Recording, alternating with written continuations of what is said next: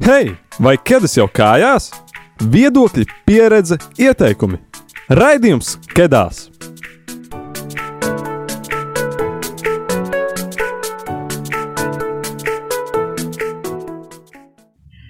Sveiciens jauniešiem un ikvienam, kas mūs šobrīd klausās. Ir novembris un ir um, kedās raidījums, kā arī katru mēnešu pirmajā trešdienā, pulksten astoņos vakarā, ko var klausīties Radio Marija. Un tieši tā, tu klausies jauniešu raidījumu kedās. Un iepriekš oktobra raidījumā dzirdējām jauniešus, kuri dalījās par uh, viņu domām par nāvi. Un tā kā šis raidījums sasniedza tiešām augstu klausījumu skaitu, mēs izvēlējāmies turpināt šo tematu par nāvi, un šajā tematā iet pat vēl nedaudz dziļāk.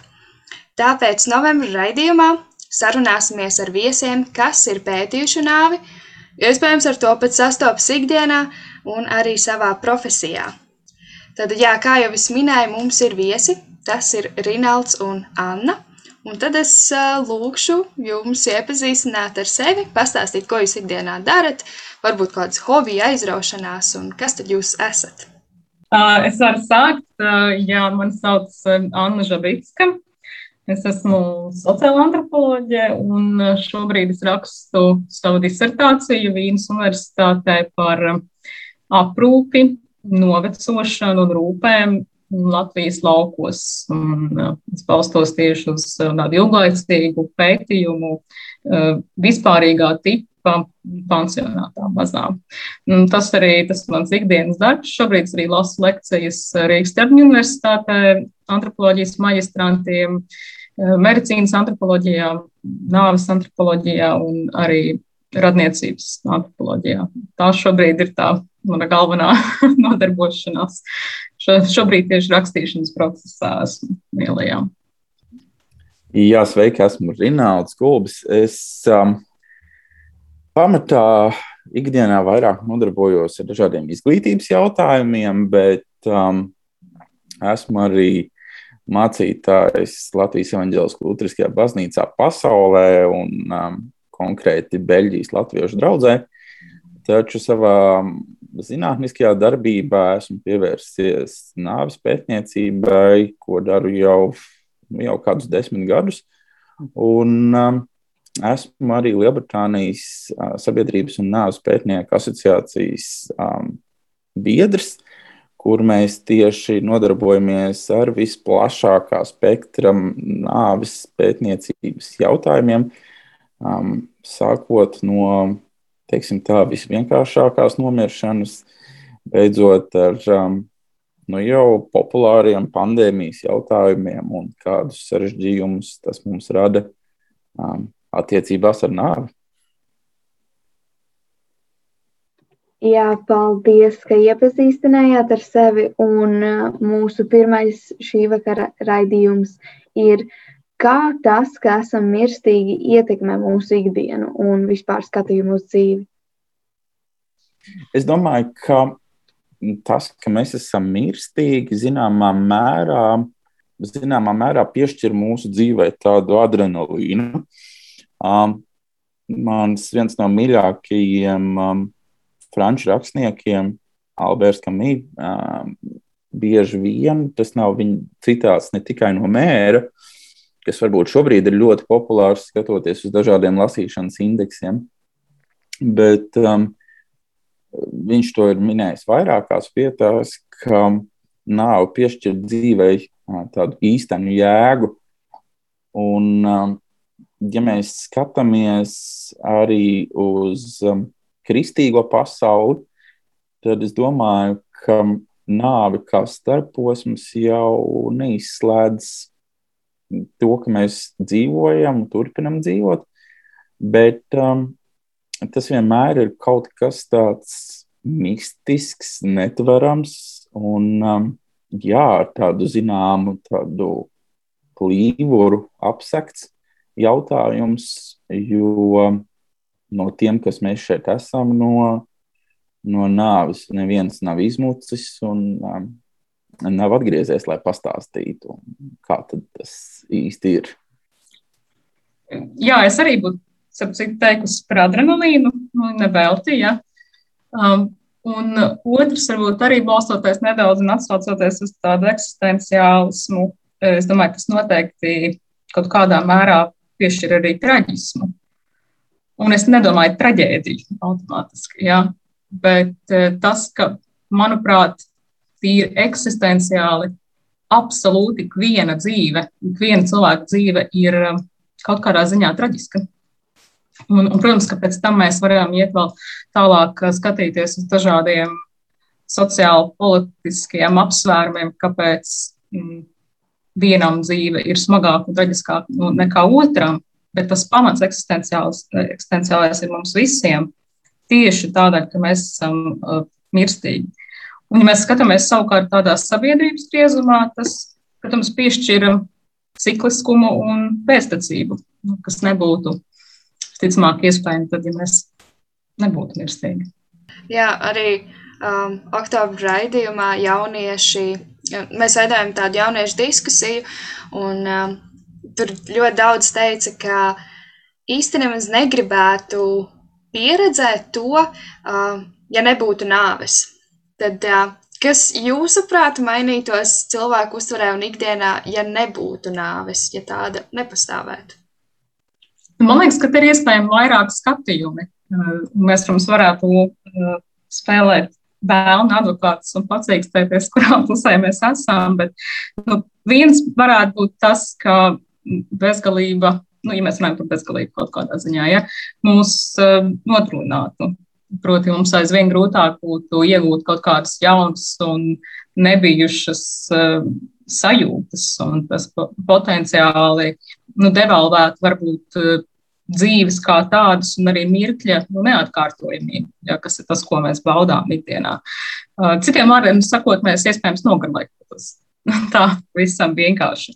Taču, protams, mēs varētu likt pretim šīm skatījumam to, ka m, par spīti tam, ja mēs būtu nemirstīgi, mirklis nav atkārtojams. Situācija nav atkārtojumu. Mēs varam katru dienu dzert to, eh, nezinu, balto vai melno kafijas eh, tasīti brokastīs, un katru dienu tā kafija garšo mazliet citādāk, tāpēc, ka ir cita diena un ir citi apstākļi. Tātad šajā, būt, nu, šajā gadījumā būtu tāds uzsvars uz, um, uz tādu neatkārtojamību un un uz tādu emociju kopumu, ko mēs varam gūt katrā situācijā atšķirīgi. Un tātad šis, nu, šis uzskats liek lielu uzsvaru uz tādu novitāti. Um, Ja? Bet man liekas, ka vēl mums būtu jāņem vērā, protams, arī laika pieredze. Tāpēc, ka šobrīd, lielā, ne visās kultūrās, protams, bet uh, rietumu kultūrā mums ir izteikti uh, lineāra laika pieredze. Vismaz tā mēs esam viņu sistēmiski iekārtojuši. Tad, kad mēs, protams, skatāmies vairāk, kā, kā cilvēki patiesi vēl pieredz laiku, tad tur sanāk visādi interesanti brīnumi. Bet tad jautājums būtu, vai arī šī nemirstība kaut kādā ziņā neizmainītu mūsu laika pieredzi. Es domāju, ka izmainītu. Un tad, protams, man liekas, viens no būtiskākajiem jautājumiem, ko mēs par saprast par nemirstību, ko tas nozīmētu mums katram individuāli, tīri kognitīvi un ķermeniski. Vai mūsu ķermenis noveco, vai mums ir slimības, vai mūsu kognitīvās spējas pasliktinās vai nepasliktinās. Tur, man liekas, ir tik daudz tādu atvērtu jautājumu buķetu, ko, ko mēs pat nespējam aptvert. Ja? Vai mēs esam vienmēr jauni un mundri? Jo mēs droši vien runāsim tālāk reālajā dzīvē. Tieši šis aspekts, ķermeniskais un kognitīvais, bieži vien ir tas, kas palīdz mums ļoti samierināties ar mūsu mirstību. Jā, es, es piekrītu Annai, ka visticamāk, droši vien, ka mums paliktu garlaicīgi kādā brīdī. Jautājums ir, kur mēs um, varam uh, iegūt to pieredzi, un, un, un, un tiešām jautājums ir par um, novecošanu kā procesu. Bet um, es drīzāk skatītos arī, arī uz tādu lietu, ka Mēs zinām, ka, piemēram, um, nāves soda aizstāvji vienmēr runā par to, ka nāves sods um, disciplinē sabiedrību, um, ka viņš var netikt piemērots, bet um, nāves sods pats par sevi ir sabiedrību disciplinējošs. Un šeit es saskatītu varbūt tādas vairākas tēzes par to, ka, ja nebūtu nāves, um, iespējams, ka mēs sāktu dzīvot vairāk tādā anarchistiskā sabiedrībā, jo rēķini, ka, ja nav nāves, nu tā tad tev neviens neko arī nevar padarīt. Iespējams, ka varbūt tu pat nejūti sāpes, ja tu esi nemirstīgais. Bet um, iespējams, jau mēs sākam nodarboties ar tādu vampiroloģiju. Bet um, tas, kas manuprāt būtu, ir tas, ka jā, ir jautājums par, um, arī par sabiedrības tādu uzbūvi, kad mēs runājam par dzīvību un nāvi. Mēs um, tik ļoti daudz ko esam izveidojuši, dažādas institūcijas un, un valstiskas iekārtas, um, tikai pateicoties šiem diviem procesiem, ka ir, ir piedzimšana un ir nomiršana. Un, um, līdz ar to arī sabiedrības struktūra pati par sevi pakārtojas mm, šiem diviem lielajiem dzīves notikumiem. Ja drīkst papildināt, man vienkārši patīk Rināla atbilde. Es, es piekrītu, ka kaut kādā ziņā nāve ir tāds nu, fundamentāls ētikas un morāles atskaites punkts, no kura tad izriet ārkārtīgi daudz vispārējās mūsu vērtības um, sabiedrībā un arī reliģijā. Un kaut kādā ziņā tas ir tāds arī izlīdzinātājs. Nu, nevelti, piemēram, ja mēs skatāmies pasaules vēsturē, milzīgi lieli traģiski, traģiski notikumi, piemēram, Pirmais, Otrais pasaules karš vai, piemēram, mēri, tie uz kaut kādu brīdi nu, dienu kalpo kā tādi vienlīdzības veidotāji, jo viss ir apmēram vienādā situācijā. Un pēc tam, protams, nu, mēs tik un tā attējam atpakaļ šajās hierarhijās, nevienlīdzībās un tā tālāk. Ja. Tā tur ir milzīgs uh, sabiedrību regulējošs spēks. Un, un kaut kā, ja mēs paskatāmies tuvāk nezinu, medicīnas ētiku, tur arī nu, dzīvība, nāve ir tāds fundamentālais atskaites punkts. Un, protams, mēs tur varētu veidot atsevišķu diskusiju par to, ka. Mm, vai dzīvība tiešām vienmēr medicīnā ir pati augstākā vērtība, proti, vai tā ir jābūt, jā, jo gal ir arī dzīves kvalitāte, par ko, ko spēj izvērtēt tikai vienīgi katrs pats, bet tā jau ir cita diskusija, ļoti gara un smaga. Saprotu, ka mūsu situācija ir tāda, ka tomēr ir nāve, vai nāve ir iespējams jebkādi sagatavoties, jo mēs nekad nezinām, kad tas būs, bet varbūt ir kaut kāds veids, kā mēs varam sagatavoties, lai jebkurā brīdī būtu gatavi nomirt.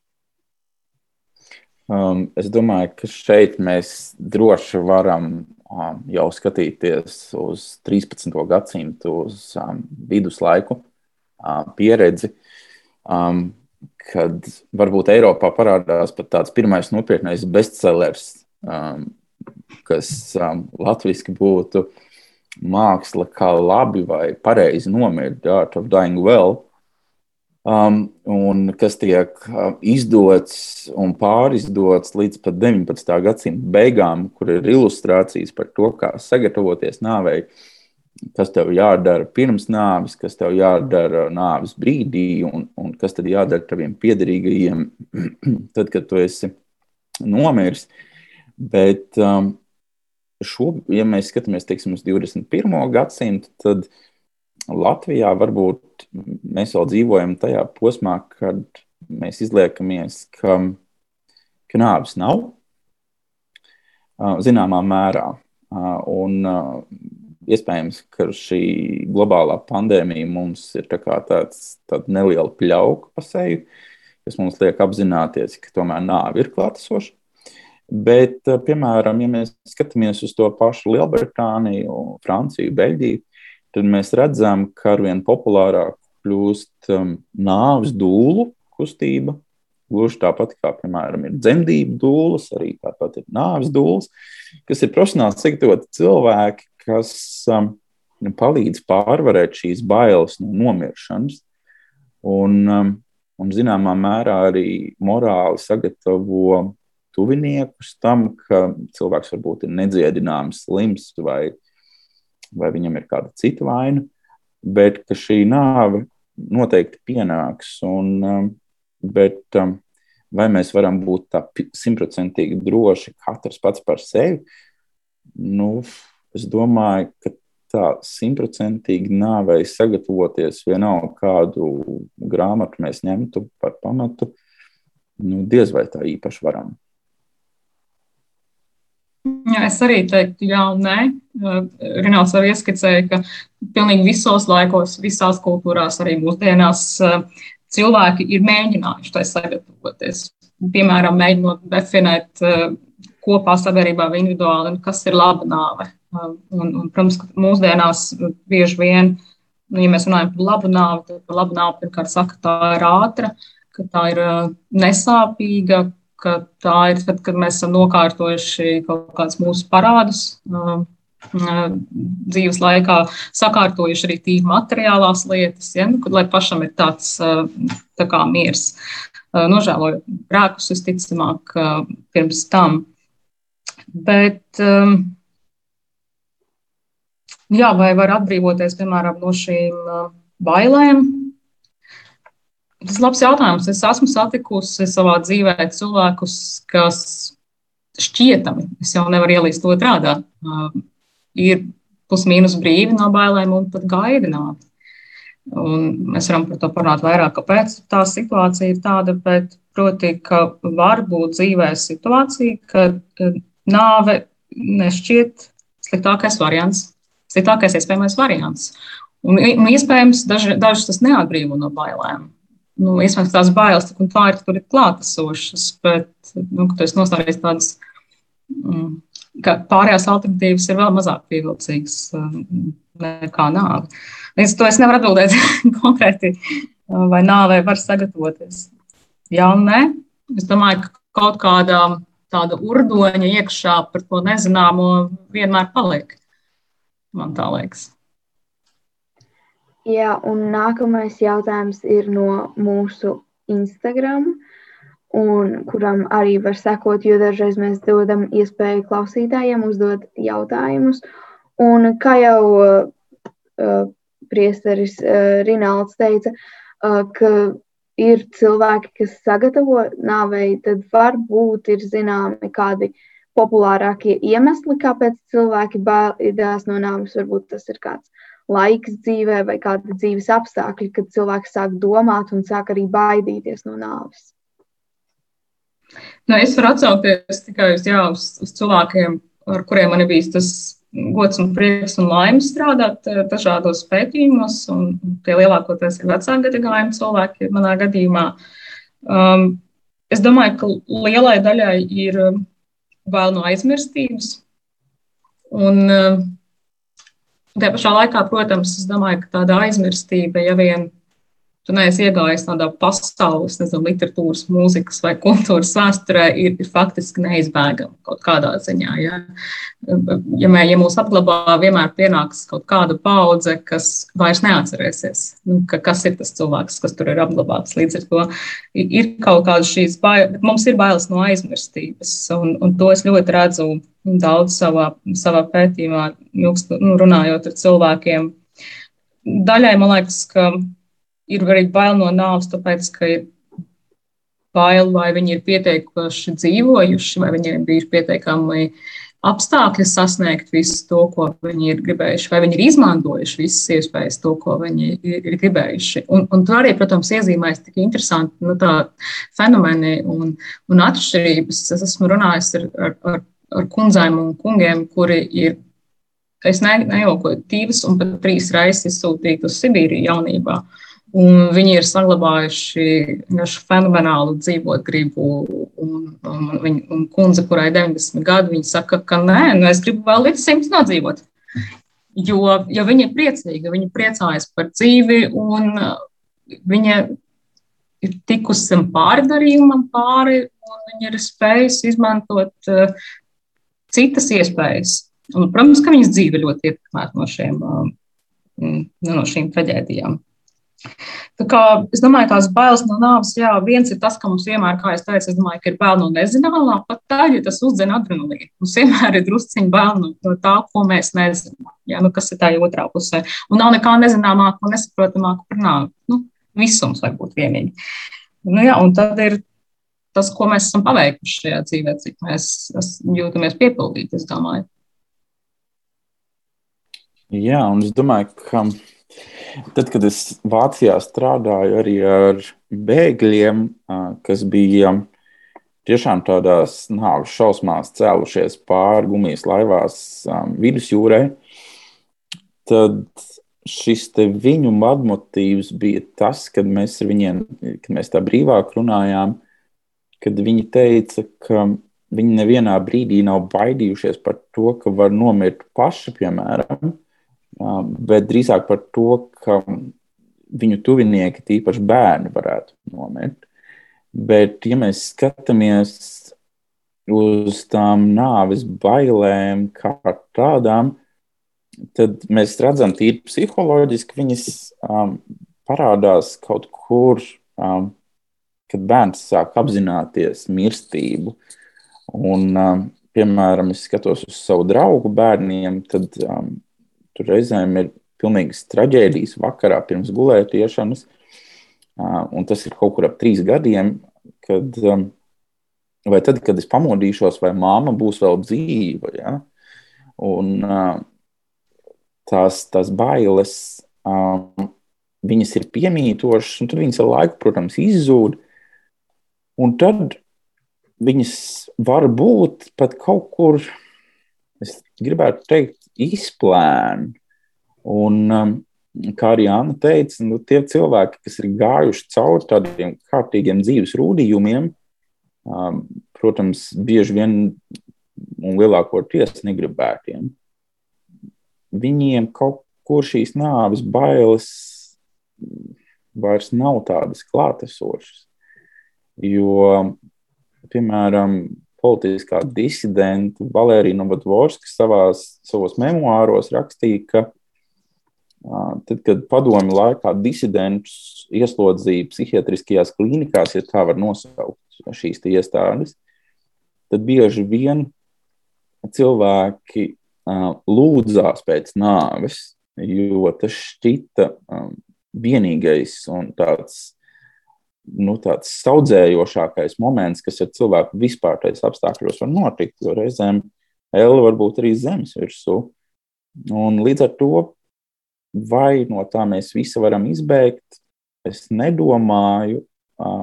Es domāju, ka mēs varam kaut kā to mazināt, kompensēt. Un, jā, un, un, un droši vien, ka cilvēks visvairāk baidās no tās aizmirstības. Un, bet tad, kad mēs redzam, uz, skatāmies arī uz, uz, uz, uz kultūru maiņām, tad, piemēram, Vācijā vairs tik ļoti ar akmeņiem neviens vairs neaizraujas un ar lieliem pieminekļiem. Tagad ir Eiropas zaļais kurs. un uh, daudz populārāk kļūst uh, miera meži, kad uz pelnu urniņas tiek iestādīti virsū koki. Un cilvēkam vismaz ir sajūta, ka viņš kaut kādā veidā turpinās. Varbūt citā formā, Un parunājot ar cilvēkiem, kas ir izvēlējušies šo veidu, jo Vācijā tas ir jāizdara gan ātri, um, šī izvēle par to, kur tu vēlies atdusēties pēc savas nāves, tad tie cilvēki, kas ir izvēlējušies miera mežus, viņi jūtas kaut kā tā komfortablāk. Jo tie, kas ir izvēlējušies, ka viņus apglabās kapsētā, viņiem ir jārēķinās vienkārši ar to, ka pēc 20 gadiem um, tur iestāsies totāla aizmirstība, jo viņu piemineklis un kapa vieta vienkārši tiks nolīdzināta no zemes virsmas un atdot nākamajam.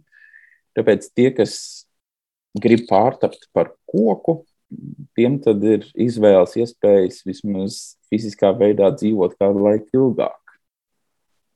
Bet šis ir interesanti, jo um, man Latvijā vismaz uh, tiksim, cilvēkiem pētījumos runā, es ļoti redzu šo paudžu atšķirību. Ja? Nu, vecākā paudze tomēr ir, protams, tāda, kas izvēlas, teiksim, arī kenēšanu, bet viņi tik un tā labprāt gribētu, lai tā urniņa nonāk kapsētā. Ja? bet kā tad nevar saprast, tā vietas taupīšana varbūt vienīgi ja? uh, iezīmēs. Bet jaunākās paudzes jau ir, ir daudz, daudz brīvākas, ja runā par kokiem, uh, tad jau izdomājuši, kādu koku gribētu, lai uzstātu pa virsu. Un, uh, Un, jā, man liekas, ļoti skaisti arī šīs pārmaiņas, kā notiek. Paldies!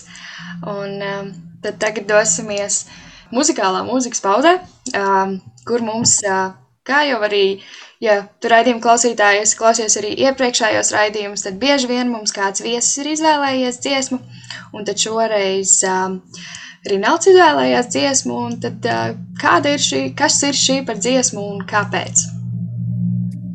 Šī dziesma um, man asociējas ar tādu lielu laikmetu, kad um, nāve vēl bija klātesoša, kā runā nāves filozofi, iedalot laikmetus, kad nāve ir blakām un kad nāve jau ir izstumta no sabiedrības apziņas. Un šis skandarbs ir um, Johana Sebastiana Bāha skandarbs, um, Nācaks saldā nāve, kuru viņš velta kādai no savām draudzenēm. Un uh, šī dziesma raksturo to, kāda tad ir šī laikmeta barokālās greznības attieksme pret uh, nāvi, kad cilvēki gribēja sevi iemūžināt baznīcās, tempļos, teātros, opernamos um, kaut vai nelielos ciļņos, un um, tomēr saglabāt kaut kādu savu piemiņu ar to domu, ka arī garantēt arī to, ka nu, kapi varētu kādu dienu izgaist, bet nu, opernams varētu varbūt saglabāties ilgāk. comes.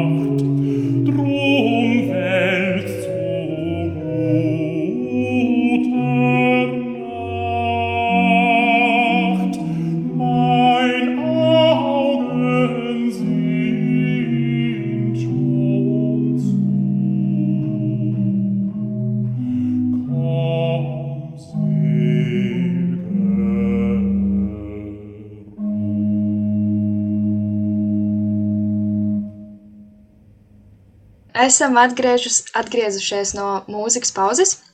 Uh, tu klausies jauniešu raidījumu Kedās, un šis ir novembra raidījums, uh, tāds mūsu cikliskais raidījums, un, jo šis ir otrais raidījums jau par tēmu nāve.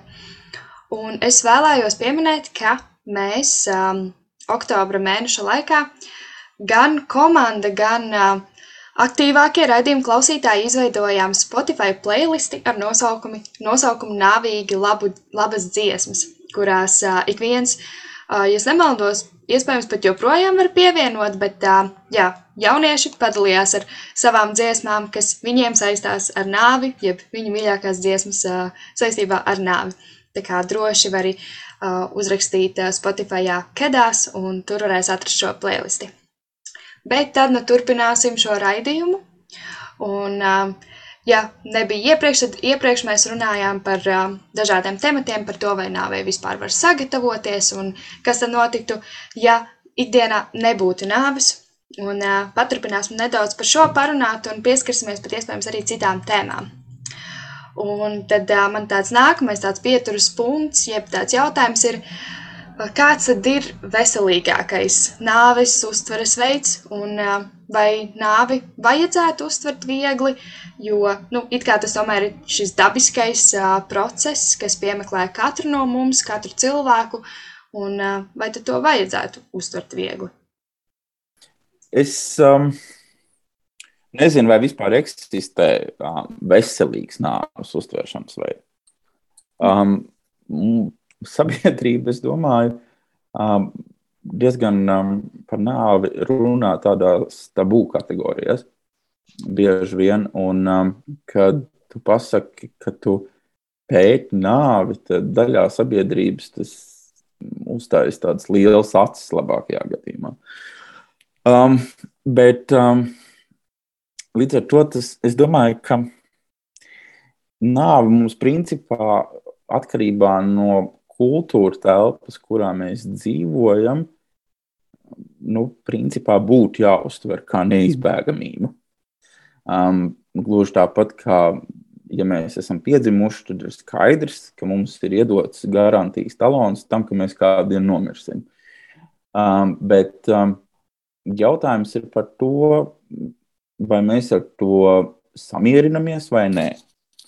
Un, um, piemēram, mēs dzīvojot rietumu kultūrā, kurā mēs ejam iekšā ar vien vairāk, mēs redzam to, ka ir virkne cilvēku un sabiedrībā pat diezgan ievērojamas daļas, kas nevēlas pieņemt novecošanās procesus un kas mēģina attālināt nāvi.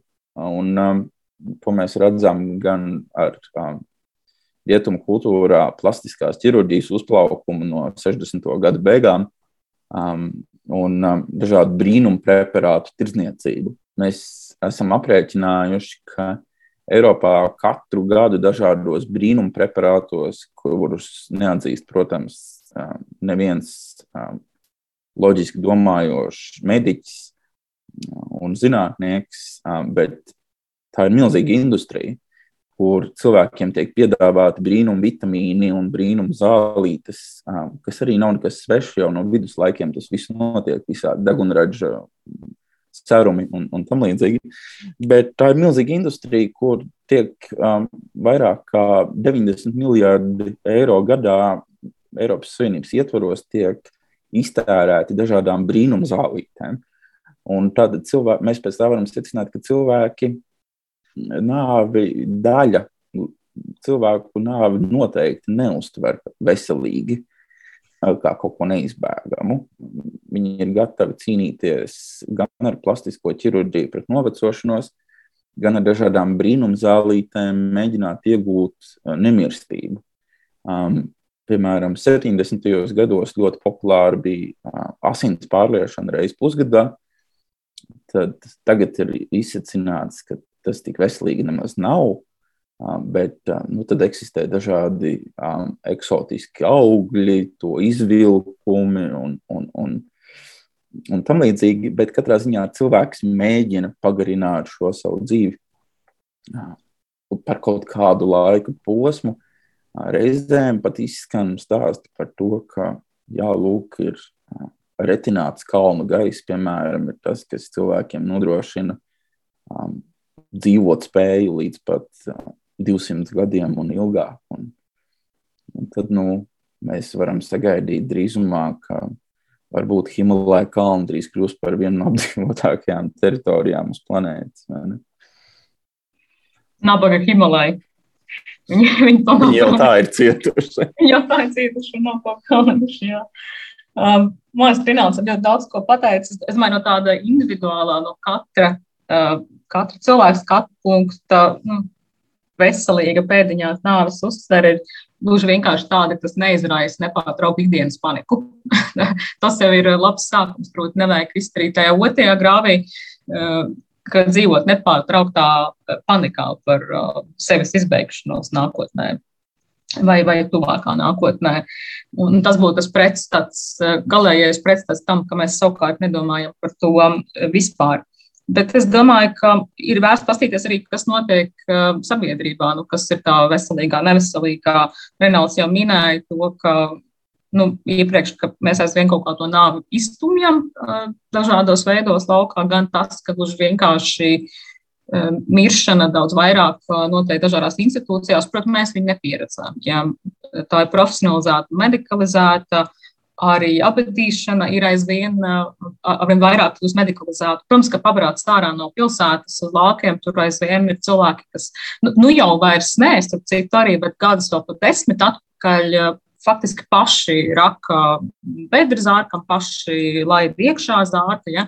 bet nu jau paši arī saka, tas ir kļūst profesionalizēts. Mēs viņu kaut kā iztumjam. Bet tas, ko es saredzu, nu, teiksim, tādu apdraudējumu vai iztumšanai, ir tas, ko arī jau Rināls iepriekš minēja, ir faktiski vecuma diskriminācija, jeb ageisms, ko mēs angliski saucam. Ja viens ir šie skaistuma etaloni, bet otrs ir no tās mūsu iedomas par to, kas pienākas vispār konkrētam vecumam, kas ir atbilstoši konkrētam vecumam, un, un tad, kas tad mums jādara beigās ar tiem veciem cilvēkiem, ja? un kur vispār sākas tas vecums. Un tad mēs aizjām, nu, tur visādās šausmās, eh, gan to eh, pārspīlējot ar aktīvu novecošanu. Mums tagad visur būs, eh, šobrīd arī mums viss kaut kur politikā iet iekšā šis Eiropas Savienības termins par aktīvu novecošanos, kas ir ļoti problemātisks, bet tā arī ir atsevišķa diskusija. Ja?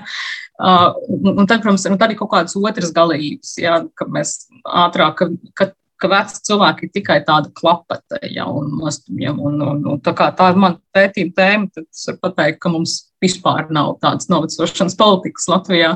Um, pagaidām izstāsta arī, ka nebūs, un tā ir ļoti, ļoti liela problēma. Un, un viens aspekts ir šī e, diskriminācija pēc e, vecuma. Otrs, tas, ko es gribēju pieminēt arī par um, nu, uz mē, mēģinājumiem uz veselīgāku nāves uztveri, ir tas, ka ir skaidrs, ka pieaugs globālā migrācija. Un tā tikai pieaugs. Ja, par spīti tam, kā varbūt dažas bagātās valsts mēģina turēt savus durvis un robežas ciet. Ja. Un ar klimata pārmaiņām un krīzēm, kas izraisīs badu daudzos reģionos, kas izraisīs civilu kārus, migrāciju, tad tikai pieaugs. Ko tas nozīmē? Tas, protams, nozīmē dažādu kultūru sanākšanu kopā. Un bieži vien šajās kultūrās ir ļoti atšķirīga eh, nāves uztvere. Un mēs varbūt to Latvijā vēl tā neizjūtam, bet multikulturālākas valstis, kur ienāk jaunas diasporas cilvēkiem, ļoti ikdienišķās situācijās, piemēram, eh, sniedzot pirmo palīdzību vai dažādu medicīnas lēmumu pieņemšanā, eh, notiek šī kultūra sadursme tieši par nāves uztveri. Ja? Mums varbūt ir tik nenormāli tāda, nu, mēs gribam izstumt to nāvi ļoti daudz laukā. Ir kultūras, kas to pieņem, um, ievīja viņu dzīvē daudz vairāk iekšā un nav tiksim, tik liela um, pretestība pret, nu, pieņemsim, kaut kādu asistēto pašnāvībai, vai kaut, tas būtu tikai viens piemērs. Ja.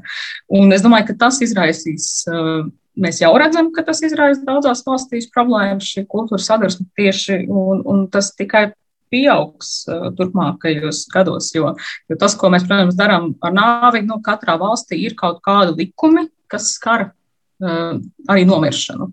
un kas skar nāvi kas skar ķermeņa izmantošanu pēc nāves. Un arī šeit ir sadursmes, un mēs arī redzam pandēmijās sadursmes. Atceramies 2014. un 2015. gadu ebolas uzliesmojums. Ja kur tika sūtīta starptautiskā palīdzība, vietējie cilvēki nespēja pieņemt nu, šo starptautisko palīdzību, ka tā bija pretrunā ar viņu tradīcijām par to, kas jādara mirušajiem ķermeņiem. Un tas kaut kā atrisinājās, bet šis, es domāju, pieaugs.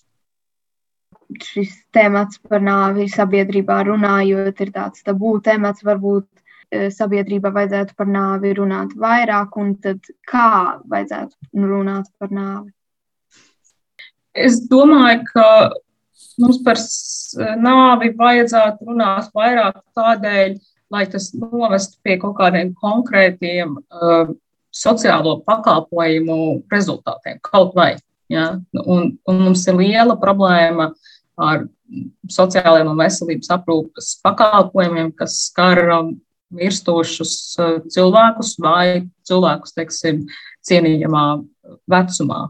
Protams, ka izvairoties runāt eh, par to vai izvairoties eh, to likt dažādos politikas dokumentos, vienkārši tiek atstāta novārtā gluži arī šī praktiskā puse.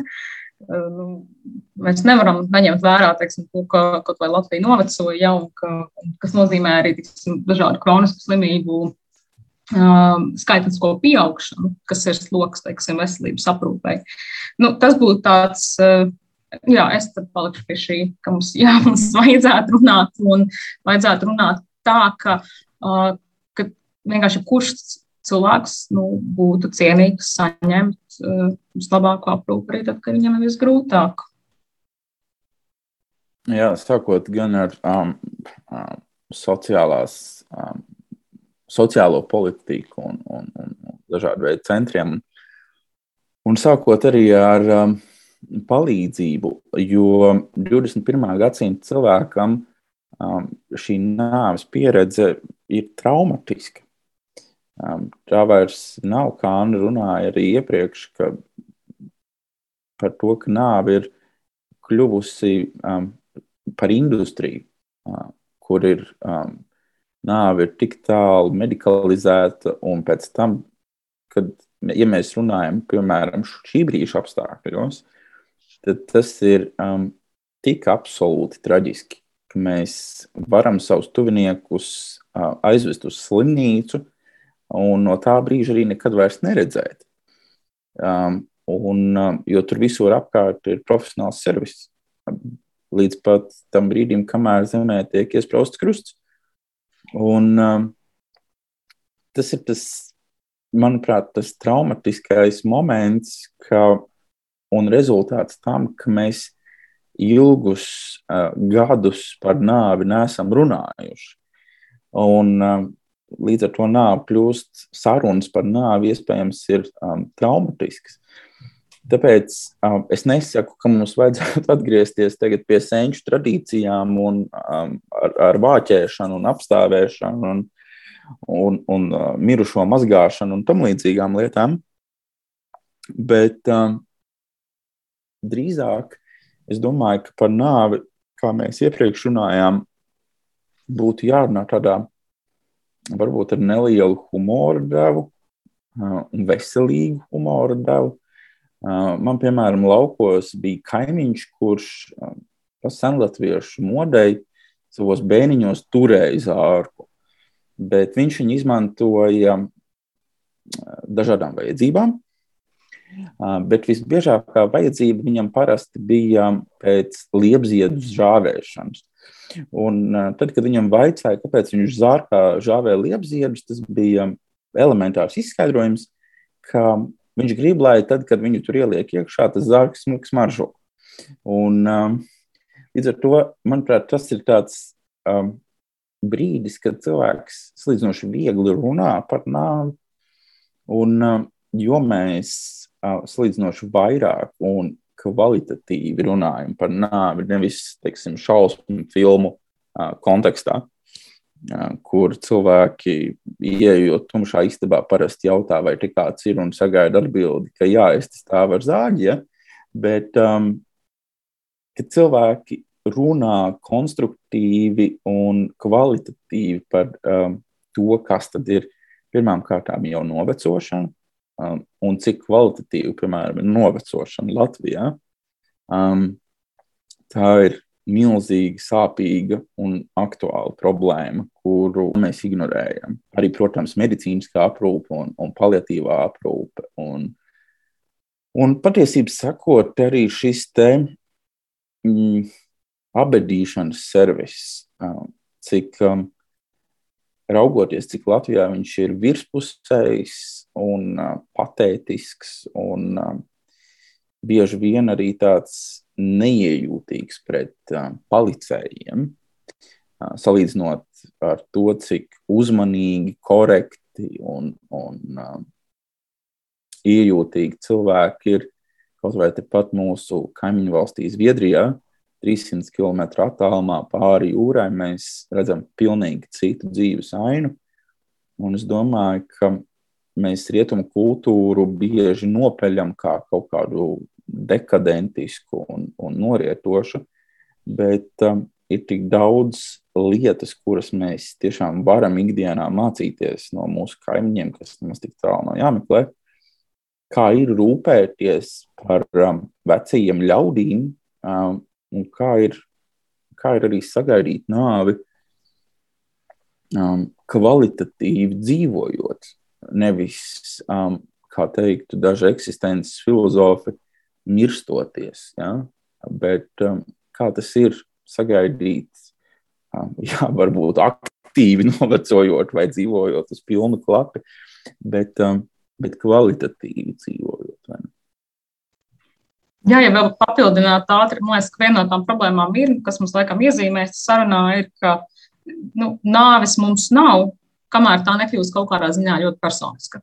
Un nevar būt tieši mana personīgā bet kāda mana tuvinieka nāve. Un tad pēkšņi mēs attopamies, ka mums ir ļoti daudz nesakārtot jautājumu valstiski un, un arī pašam vien galvā. Līdz ar to man, diemžēl, ir tāds ļoti skeptisks skatījums arī vai teiksim, šis pandēmijas laiks, kurā ir paaugstinājusies cilvēku mirstība, vai tas, nu, jā, ir cilvēki, kas par to domā un, kurus tas satrauc. Un es zinu, ka man cilvēki ir teikuši, ka es esmu noguris no tā, ka man nepārtraukti ir es jūtu līdzi nu, visām tām ģimenēm, kas, kas ar viņām tagad notiek. Ja, tad ir cilvēki, kas ļoti aktīvi un, kam acīm redzēt, tie nervu gali ir, ir sāsināti šajā laikā, un tas rada nogurumu. Es domāju, ka ļoti daudziem cilvēkiem tas uh, neko neizmainīs, uh, ne, ne domāšanā, ne, ne uzskatos, tāpēc, ka tā nāve aizvien ir kaut kur nu, nu, tālu. Un to es teiksim, bet tad, kad tā nāve atnāk, vienalga ģimenē vai, nu, vai kā tuvinieku lokā, tas ļoti maina uh, cilvēku. Un, teiksim, es esmu saņēmusi komentārus par, par saviem rakstiem un pētījumiem, vienalga, tas mazliet uz to humoristisko galvu, ja, jo, jo bērns, piemēram, ir tik absurds. Notikums katra cilvēka dzīvē, ka tur ir neizbēgami kaut kādas, nu, vismaz manā ģimenē, mums vienmēr ir melnās komēdijas elementi. Nu, tā liekas, ka brīžiem pat ir kauns stāstīt, bet otras puses, nu, tur tas traģikomiskais moments nepārtraukti ir, ir klātesošs. Ja? Un iespējams, ka citās ģimenēs kaut kā pieklājīgāk viss notiek. Bet, bet esmu saņēmis komentārus, ka cilvēki kaut kā saprot to, ka viņiem, oh, viņiem arī tā bija, viņiem arī bija kauns stāstīt. Pēc, ka ir nu, šīs kaut kādas tās dogmatiskās tās, tradīcijas, kurām nu, visām jānotiek tā kā nu, perfekti. Ja, un dažreiz cilvēkiem ir kauns, ka, nu, ka nenotiek tā perfekti. Tad viņš izlasa, ka tur arī nenotiek perfekti. Nu, tas viņam kaut kādu atvieglojumu sniedz. Vai gluži pretēji, piemēram, to, ko, ko nozīmē rūpēties par uh, mirstošu cilvēku. Ja, vai kādas ir, nu, ko nozīmē tev ir 94 gadi, un tu gaidi nāvi. Līdz ar to, jā, jā, tā runāšana ir svarīga un, kvalitatīva, un viņa palīdz. Tāpēc, ka dažreiz domāju, ka mēs jūtamies iespējams ļoti vieni ar savām domām un arī ar savām problēmām, nu, kas skar mirstību un nāvi. Un tad, ja ir iespēja lasīt, ka ir vēl kādam, un, un ko tas nozīmē, tas, es domāju, tas var būt ļoti liels tāds emocionāls atspējas, ļoti būtisks.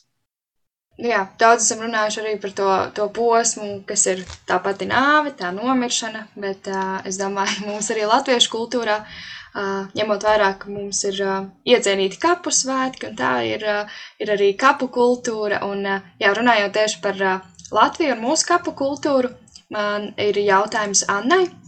Um, kā jūs raksturotu latviešu kapu kultūru tieši tās jūsu profesionālās jo, jomas skatījumā, jeb sociāla antropoloģiskajā skatījumā?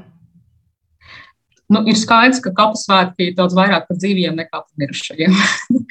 un, un tā ir kapu svētki, manuprāt, liela, liela burvība. Jo, un arī vispār kapu kultūrā ir tā iešana uz kapiem. Piemēram, mani vecāki ir apglabāti pareizticīgo un vecāku kapos, ja īstenībā kapi. Un, un tur, protams, ir citas liekas, kultūras iezīmes. Nu, tas, kas tur darās uz lieldienām, tur ir klāti galdi, tur ir. Tagad jaunieši neklausās. Tur ir šņabītes, tur ir pipargurķīši, tur ir dasmaizītes, tur ir normāls tuseņš, tur ir pikniks. Ja?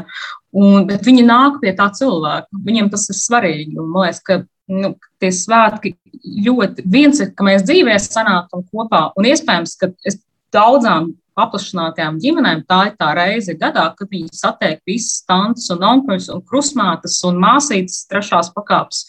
Nu, tā ir liela dzīves svinēšana, kur arī piedalās, nu, mēs esam uzaicinājuši arī tos savus senčus, un, un, un tur tā nu, mēs varam redzēt to vertikālo radniecības līniju. Ja tas nav tikai par mums šeit uh, dzīvajiem, bet tas arī ir par mirušajiem.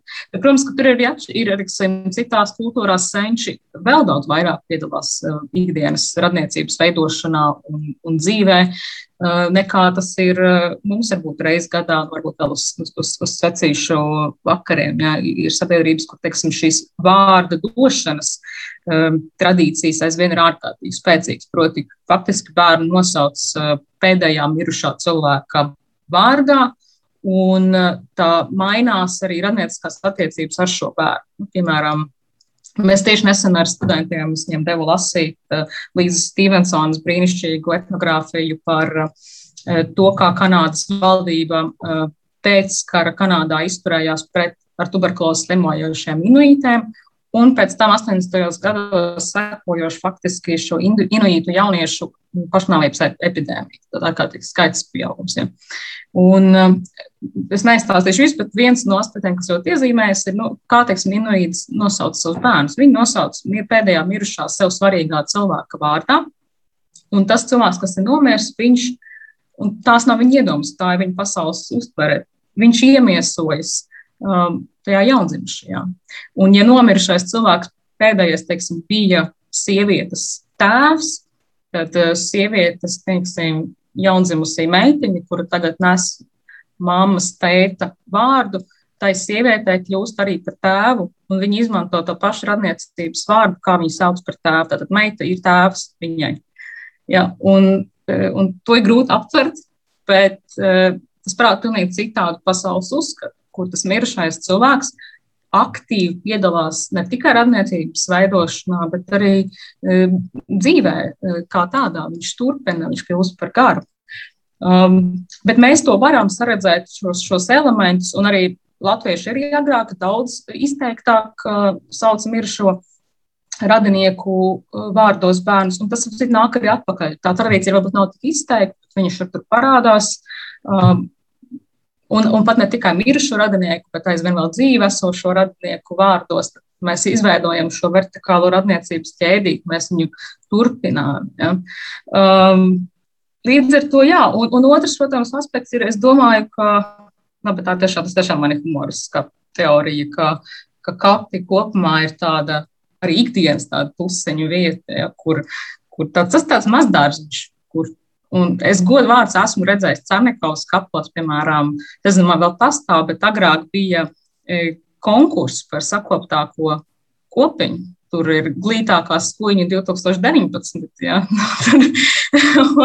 un tur cilvēki grāb skuiņas un stāda, un tur ir, nu, tur ir milzīgi dzīves um, svinēšana šajās vietās. Tā kā ļoti krāšņs pētniecības lauks.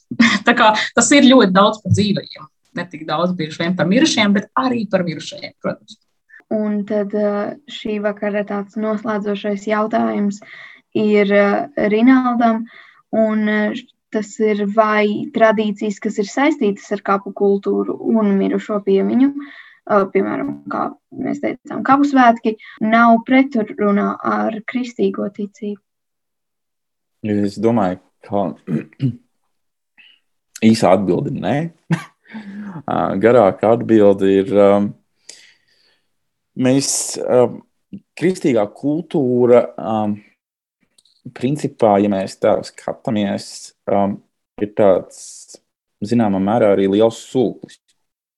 Kristīgā kultūra, lai kur sāktu izplatīties, viņa zināmā mērā mēs, un šeit es nerunāju par ticības elementiem, bet tieši par kultūras elementiem, viņi uzsūta sevī daļu no tās kultūras, um, kur kristīgā ticība ienāk.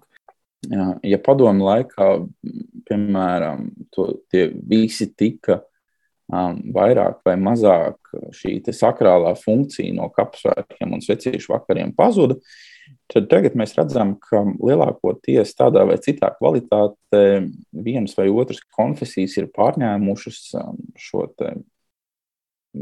svētku uzturēšanu.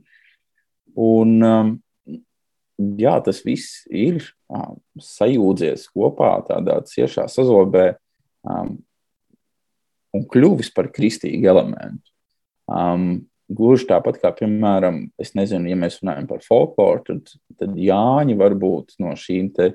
No šiem padomu laikā tik ļoti urbanizētajiem svētkiem ir kļuvuši par, par vairāk tādiem folklorā balstītiem atkal. Gluži tāpat arī kapsvētku un svecīšu vakaru vairāk ir šobrīd um, ar kristīgiem elementiem, um, nekā tie varbūt bija pirms 30 un 35 gadiem. Es nedomāju, ka mums būtu jābaidās um, ar to, ka tas nebūtu kristīgi vai nebūtu pareizi.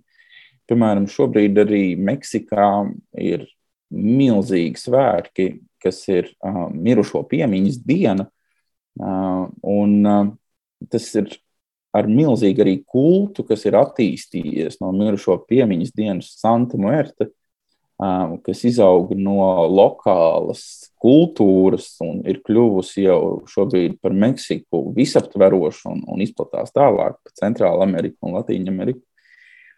Un arī tur ir kristīgi elementi. Um, Arī tur Santa Mērta statujas tiek izstādītas katoļu baznīcās, un priesteri to akceptē, un, un diecēs ar to ir mierā. Tā kā m, kristietībai nav tādas vienas sejas, kas būtu pareizās um, tradīcijas un pareizais stāvoklis, kur ieņemt. Ticība nevar būt um, tāds um, nemainīgs akmens. Ticība pastāv tikai tik ilgi, kamēr viņa ir dzīva. Un dzīve viņa ir tik ilgi, kamēr viņa um, ir un mainās. Un, un, um, jā, un arī zināmā mērā pielāgojās apstākļiem, kur um, mēs vēlamies sludināt un izplatīt ticību. Liels, liels, liels paldies uh, Rinaldam un Annai, un paldies arī tev, klausītāji, par uh, to, ka klausījies. Un, protams, neaizmirst arī par mūsu nāvīgu labu dziesmu playlisti Spotify, uh, kā arī par mūsu sociālajiem tīkliem, Instagram, Facebook, uh, kā etraidījums skatās, un tad jau tiekamies nākamajā raidījumā, decembrī, un par ko? Par to uzzini mūsu sociālajos tīklos. Paldies tev! Atā!